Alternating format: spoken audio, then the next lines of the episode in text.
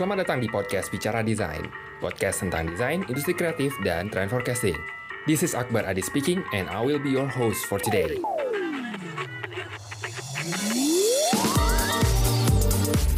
Tamu kita hari ini adalah Amelinda Alicia, salah satu periset kita di Viewpoint.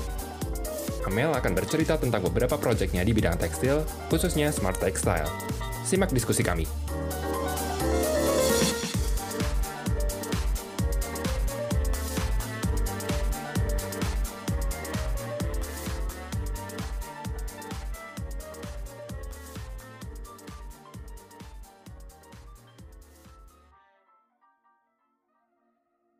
Selamat datang di Bicara Desain episode 1 dan di episode perdana ini kita bakal ngobrol bareng Amel, salah satu researcher kita di Viewpoint yang bakal cerita tentang risetnya khususnya tentang smart textile.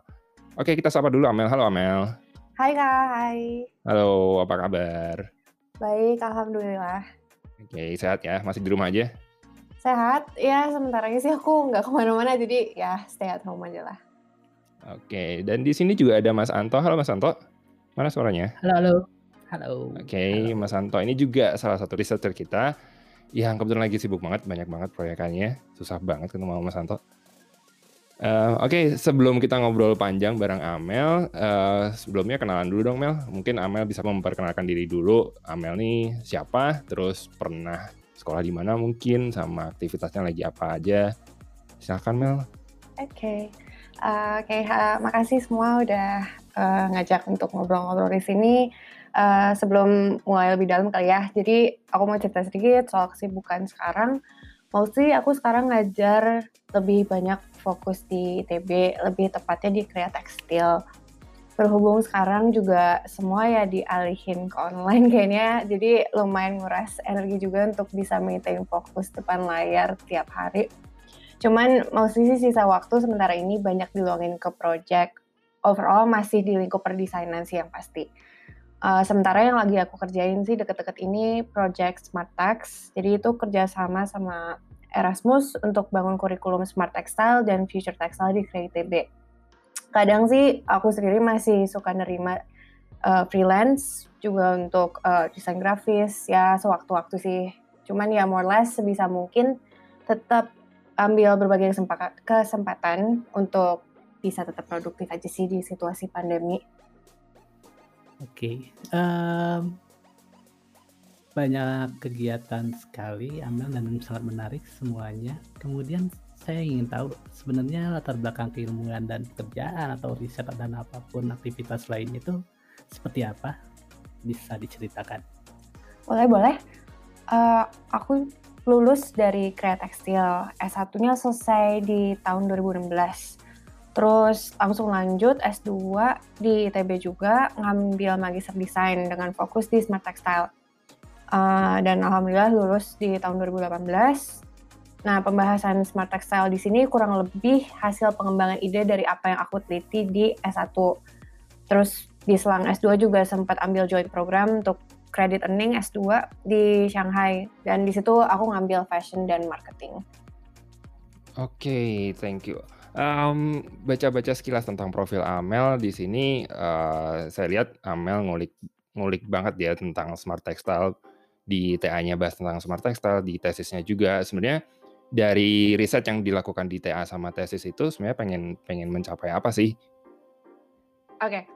Uh, oke, jadi sebelum masuk ke apa sih, uh, tujuan dari penelitian dari tugas akhir dan tesis, aku akan cerita sedikit nih fokus dan alur um, proses pembuatan itu sendiri. Jadi uh, untuk TA aku fokus neliti di eksplorasi citra cahaya pada tekstil. Kayak gimana sih caranya untuk bisa membangun wujud struktur tekstil dengan menampilkan cahaya. Jadi di sini aku manfaatin rangkaian LED yang tertanam di dalam struktur tekstil yang kemudian diaplikasikan ke produk fashion sebetulnya ada satu poin juga yang sebenarnya jarang dibahas karena ini emang tujuannya mengeksplorasi cahaya. Cuma aku agak sulit waktu itu untuk ngedokumentasinya karena um, hasilnya itu agak redup. Cuman um, eksplorasi ini juga tuh diaplikasiin pakai cairan fosforescens hmm. atau mungkin kalau yang agak awam ini um, sablon glow in the dark. Oke. Jadi fungsi di sini biar tekstil ini bisa memvisualisasikan cahaya dalam berbagai kondisi. Jadi wardrobe-nya bisa nyala dalam kondisi LED dinyalakan, tapi juga setelah dimatikan karena si substance ini dia bisa nyerap UV dari LED yang tertanam. Mhm. So uh, terlebih lagi sih karena Tyvek di sini kan pakai Tyvek ya. Jadi Tyvek yang dieksplorasi ini sedemikian rupa biar teksturnya itu agak berbayang. Jadi ada tekstur yang dimunculin dari situ dengan teknis heat pressing dan lain sebagainya. So, fungsi cahaya juga membantu untuk menonjolkan tekstur tersebut. Kurang lebih sih untuk riset tahap awal di sini untuk ekspor cahaya sebagai unsur estetis. Tapi um, terlebih lagi sih aku pengen membuka possibilities yang lebih lebar dalam pemanfaatan equipment elektronik dalam fashion dan textile. Itu sih kurang lebih kalau untuk tugas akhir di S1. Hmm, kalau di tesis sih, uh, kayak yang tadi udah di-mention sebelumnya, tesis itu hasil pengembangan ide dari tugas akhir. Karena konsep di sini pemanf memanfaatkan equipment elektronik ya. Jadi banyak possibilities yang bisa kebuka kayak, hmm, karena sekarang perangkat elektronik juga udah macam-macam banget, mulai dari sensor, terus programming juga udah bisa kita atur sedemikian rupa, belum lagi outputnya juga bisa variatif banget. Nah, di sini yang mau aku approach gimana sih biar aplikasi elektronik ini bisa di kom, combine ke dalam produk fashion dan bisa berdampak lang, berdampak langsung ke lifestyle dari usernya itu sendiri. Makanya di tesis ini yang aku teliti itu pengaplikasian sensor piezoelektrik kalau ini kalau masih agak awam sebenarnya dia sebuah sensor yang bisa ke-trigger uh, oleh movement dan gerakan, getaran atau pressure dan dia bisa menghasilkan uh, energi listrik dalam skala yang kecil. Jadi dia di sini fungsinya sebagai media energy harvesting.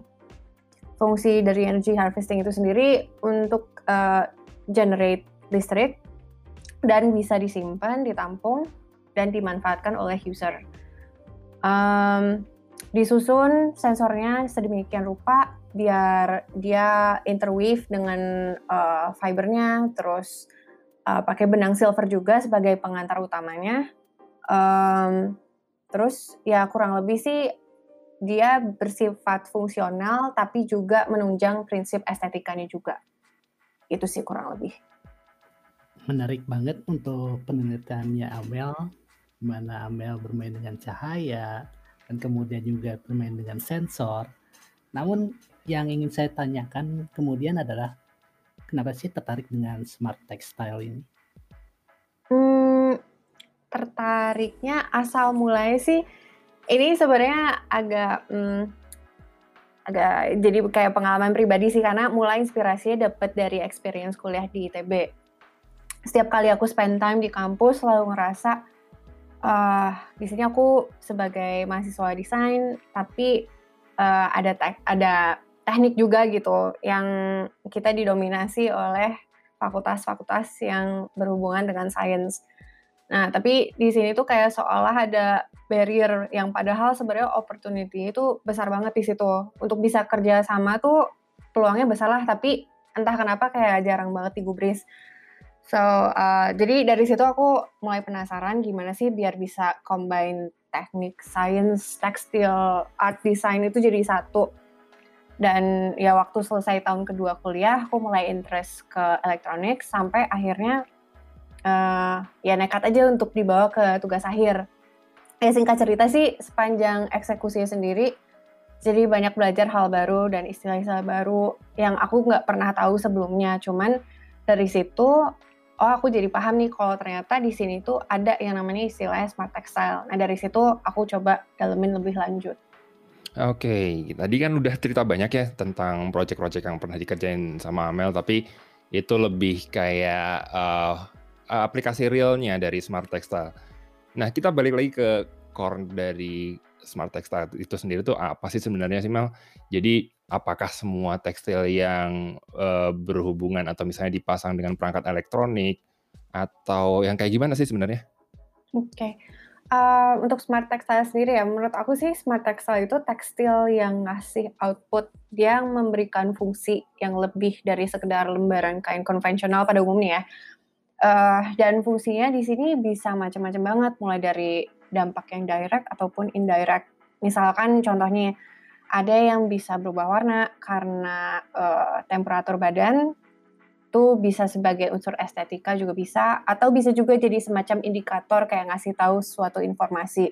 Tergantung target fungsinya sih yang dirancang. Kalau persoalan perangkat elektronik, nggak um, semua smart textile itu berbasis elektronik. Mm-hmm. Pada umumnya electronic textile itu smart textile, tapi nggak semua smart textile itu electronic textile.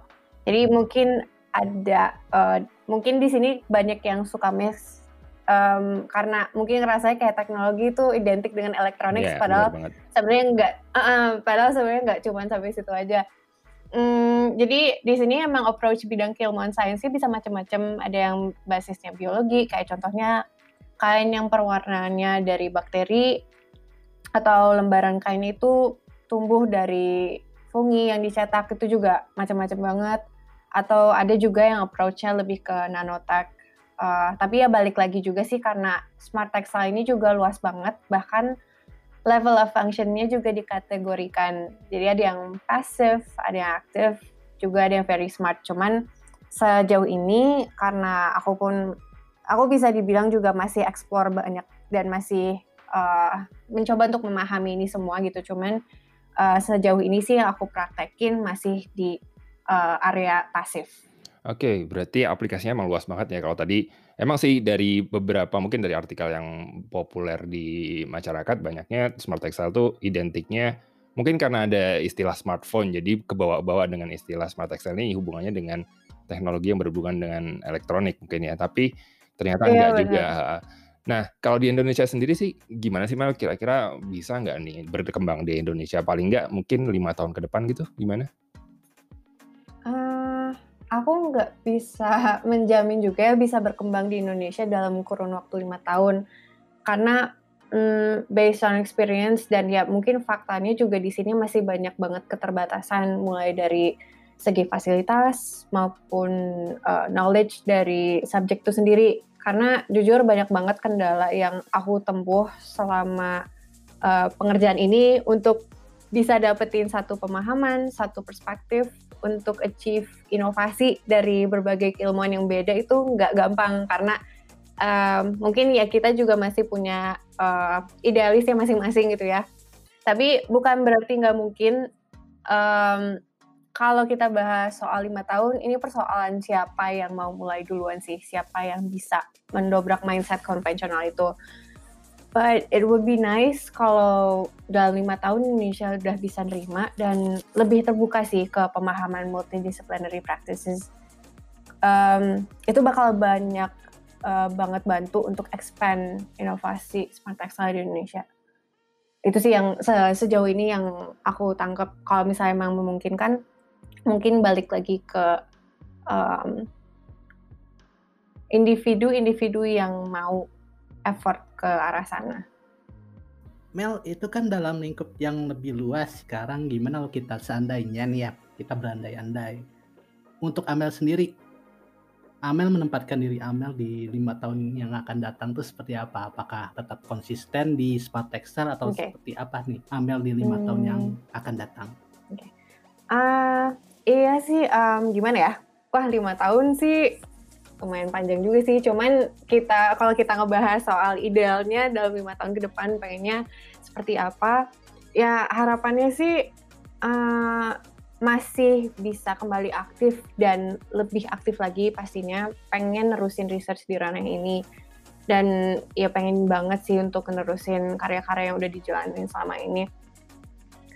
Uh, masih banyak banget hal-hal yang belum kejawab sejujurnya dan aku sih masih pengen banget cari tahu lebih dalam ini tuh bisa dibawa sejauh apa dan secara definisi yang sakleknya itu seperti apa sih? Apakah masih bisa di-expand lebih lanjut? Possibility sejauh apa? Uh, kalau misalnya emang dikasih kesempatannya itu ya aku mencari kesempatan yang tepat aja sih. Uh, kalau misalnya emang bisa terrealisasikan dalam lima tahun ini uh, ya alhamdulillah banget bisa. Um, tapi ya balik lagi karena emang lima tahun masih panjang, cita-cita sih ya pengennya nerusin sekolah lagi dalam jangka waktu itu. Ya who knows lah, semoga aja bisa secepatnya dapet jodohnya yang pas. Yes, amin. Amin, amin. Oke, uh, balik lagi ke mungkin ke bahasan smart textile ya. Tadi udah cerita sedikit tentang Amelia sendiri. Kita balik lagi tentang smart textile ini uh, sekarang kan kita lagi di masa pandemi ya, ada COVID-19. Nah, apakah si pandemi ini uh, bisa mendorong adanya perkembangan smart textile nggak sih, khususnya di Indonesia? Hmm, untuk pandemi ya, aku aku pribadi sih percaya kalau pandemi bisa jadi salah satu trigger karena kita juga udah melewati fase di mana gaya hidup kita berubah uh, drastis lah bisa dibilang. Cara kita memproses informasi udah beda dari sebelumnya, cara kita berkomunikasi, bahkan daily needs kita juga udah berubah untuk nge-support kondisi yang sekarang ini. Ya kayak misalkan dulu kita mana kebayang sih tiap hari keluar rumah harus pakai masker, kayak ya udah aja masker dipakai kalau lagi naik motor atau mungkin lagi sakit. Tapi ya kan nyatanya sekarang juga nggak hanya itu, itu udah jadi kayak bagian dari kebutuhan pokok juga. Sekarang sih semua orang uh, ya butuh gitu. Jadi in itu hanya contoh kecil sih, cuman masih banyak banget contoh lainnya. Jadi banyak hal yang nggak terduga. Who knows, mungkin smart textile bisa jadi peran besar dalam mensupport keseharian, entah sih. Tapi um, ya karena approach-nya itu juga kan beda-beda dan fungsinya juga bisa beragam banget. Mungkin uh, ya walaupun entah nanti fisik produknya seperti apa, tapi mungkin aja bisa terjadi dalam jangka waktu dekat ini atau bisa juga di masa yang akan datang setelah kita dapat pembelajaran dari pandemi ini. Kayak mungkin entah mungkin uh, smart textile ini bisa dimanfaatkan sebagai satu filter yang bisa menonaktifkan virus. Kayak itu kayak cuman bayangan uh, bayangan gilanya lah kasarnya kayak ya ide tuh bisa berkembang dari mana aja sih tapi bukan berarti enggak bisa direalisasikan. Oke, jika kita lihat bahwa riset-riset Amel ini kan lebih berat ke fashion, padahal latar belakang Amel sendiri adalah kria. Yang ingin saya tanyakan, apakah kria dan fashion ini punya korelasi nggak sih Mel? Um, menurut aku, fashion dan kria akan selalu terkait kuat sih satu sama lain. Fashion sendiri ya, walaupun identik dengan wardrobe dan gaya pakaian, fashion itu nggak mutlak persoalan baju aja. Yang itu banyak orang yang selalu mesti di situ. Tapi um, fashion itu sendiri tuh lebih ke persoalan perubahan. Apa pun yang berubah, ada change, ada transition, itu udah jadi bagian dari fashion. Jadi bisa dibilang cakupannya luas banget. Kriya pun sama kalau kita bahas soal kreatif, kriya tekstil gitu ya misalnya ya umumnya diaplikasin untuk jadi produk dan mungkin salah satunya baju. Itu kalau dilihat dari sudut pandang korelasi antara crafting dan fisik jadinya. Tapi kalau dari segi tradisi, apa pun yang kita pakai sekarang, yaitu berangkat dari budaya kan dan ya dan tradisi itu. Jadi mau itu dari influence dari daerah mana pun, ya aku percaya kalau kriya dan fashion itu punya dua peran besar yang berdiri masing-masing. Tapi satu sama lain itu terhubung dalam satu loop. Oke, bicara masalah uh, kriya, um, sebenarnya mungkin nggak sih kalau uh, teknologi smart textile tadi diterapkan di level pengrajin atau um, mungkin yang ya kriawan-kriawan yang masih belum banyak mengeksplor atau tersentuh dengan teknologi, ya kebanyakan memang pengrajin sih ya. Kalau menurut Amel gimana tuh? Bisa nggak kira-kira? Aku pribadi percaya kalau smart textile bisa dibawa ke ranah dengan approach yang tepat sih ya. Uh, ya mungkin untuk uh, pengrajin karena emang mungkin ya pastinya awam ya. Jadi mungkin harus step by step. Toh emang smart textile juga kan berangkat dari conventional textile. Basicsnya juga sama, cuma persoalan ada nilai fungsi yang lebih. Kalau teachings dari craft dan tradisi digabung dengan material yang tepat. Ya, di sini kan kita membangun fungsi ya, fungsi yang lebih. Jadi sangat memungkinkan dengan proporsi yang pas. Bahkan value dan meaning dari produk Kria itu sendiri bisa dipertahankan. Um, apa ya, jadi value-nya itu bisa di-highlight dengan support dari fungsi yang kita tanamin itu. Nah, sebenarnya kan pengrajin di Indonesia juga kan skill-nya kuat banget ya, bahkan uh, ya uh, dibandingin sama uh, generasi sekarang sih udah udah tidak bisa dipungkirin kalau mereka skillnya kuat banget dan kental banget. Karena ya mungkin me mereka megang budaya turun menurun ya yang cenderung lebih kental dan terekspos dengan itu tiap hari. Sebetulnya dengan skill yang mereka punya, kita pun bisa ngasih wawasan secara pelan-pelan. Jadi potensinya besar banget, possibility-nya banyak, bahkan mungkin kita juga nggak tahu apa yang mereka punya yang bisa dikembangin lebih lanjut sebagai material dasar smart textile. Jadi hmm, sebenarnya di sini tuh mungkin kalau misalnya memang kita bisa memperkuat um, ya mungkin secara silaturahmi dan kita sharing diskusi apa sih yang mereka tahu dan apa yang kita nggak tahu itu bisa jadi uh, ya kita juga bisa ngembangin kreativitas di situ. Ya ya, banyak banget memang potensi dari, uh, budaya kria atau kerajinan di Indonesia ya, dan sayang banget kalau misalnya, uh, potensi ini nggak dikembangin lebih lanjut. Kita bisa berkaca lah dari perkembangan, uh, produk kerajinan beberapa tahun ke belakang, uh, nggak terlalu banyak perkembangan lah bisa kita bilang. Tapi harapannya dengan banyaknya riset-riset kayak gini, uh, yang nggak cuma di Smart Textile tapi juga riset-riset lain, harapannya kita bisa ngebantu, uh, mengembangkan mungkin berdampingan dengan mereka ya bukan bukan kita sebagai seorang yang apa mungkin lebih superior terus nyuruh-nyuruh mereka tapi lebih ya, kayak partner benar, mungkin ya Mel ya sama Santo. Hmm. Oke, okay, thank you uh, Amel sudah mau berbagi sharing tentang risetnya dan juga sedikit cerita tentang smart textile itu apa. Banyak banget yang bisa kita dapat dari sini dan semoga kita ada uh, lain waktu lagi untuk bisa sharing lebih banyak ya thank you okay. semuanya. Ya, sama-sama. Thank you, thank you Makasih. buat Amel.